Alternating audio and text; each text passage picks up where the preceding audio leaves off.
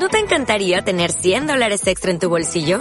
Haz que un experto bilingüe de TurboTax declare tus impuestos para el 31 de marzo y obtén 100 dólares de vuelta al instante.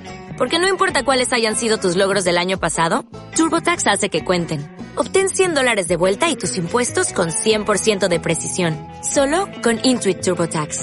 Debes declarar para el 31 de marzo. Crédito solo aplicable al costo de la presentación federal con TurboTax Full Service. Oferta sujeta a cambios o cancelación en cualquier momento. Estamos con Elena Ortega, madre del preso político madrileño Alfon, que también se ha desplazado a Bilbao para participar en las movilizaciones de hoy. Bueno, Elena, como madre de, preso político, de represaliado, cuéntanos cómo vives la jornada de, hoy. Bueno, es una jornada importante porque conocemos toda la situación por la que están pasando desde hace muchísimos años los presos políticos de Euskal Herria y bueno, con, la medida de excepción añadida de, de la dispersión, ¿no? Y el tratamiento a los presos enfermos, como le pasa a Ivonne y a otros muchos que tampoco están recibiendo la atención necesaria y entonces es una lucha necesaria, obligatoria y de solidaridad, por supuesto. Y bueno, estoy más sensibilizada porque precisamente tengo un hijo en la cárcel.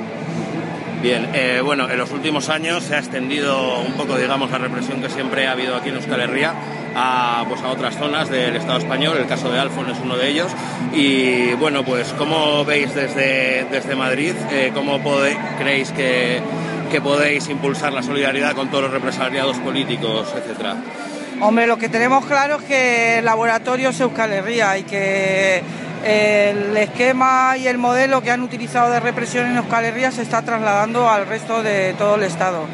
Pues bueno, pues con acusaciones falsas, con seguimientos, con detenciones arbitrarias, con montajes policiales, bueno, todo algo que no es desconocido para las personas que llevan años luchando por la independencia y la libertad en Euskal Herria.